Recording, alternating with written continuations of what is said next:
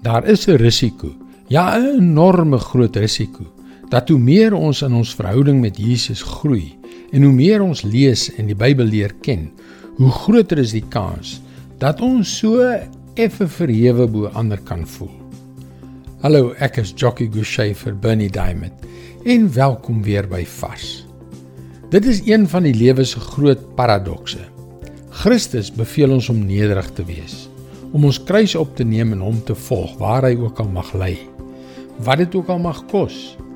Dit is presies wat hy gedoen het toe hy sy lewe vir jou en vir my afgelê het. Ek verstaan. Jy kom nou al 'n hele entjie saam met Jesus en jy begin dinge net mooi onder die knie kry.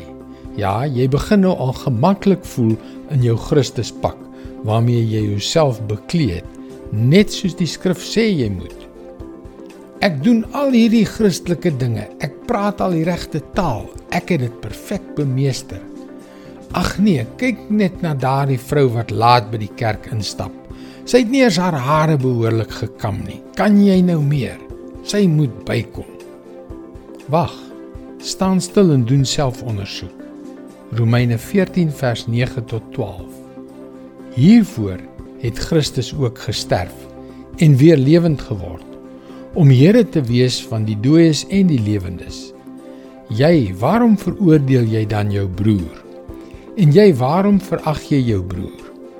Ons sal tog almal voor die regterstoel van God moet verskyn, want daar staan geskrywe: So seker as ek lewe, sê die Here, voor my sal elke knie buig en elke tong sal bely dat ek God is. Elkeen van ons sal dus oor homself aan God rekenskap moet gee. Wil jy regtig op daardie dag voor die regterstoel jou trots, jou gevoel van meerderwaardigheid teenoor die Here verduidelik? Regtig? Dit is God se woord vars vir jou vandag.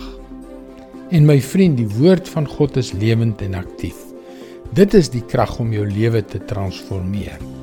Jy kan daagliks boodskappe soos hierdie per e-pos ontvang. Gaan na ons webwerf varsvandag.co.za en teken in. Luister weer môre op dieselfde tyd op jou gunstelingstasie na nog 'n vars boodskap. Seënwense en mooi loop.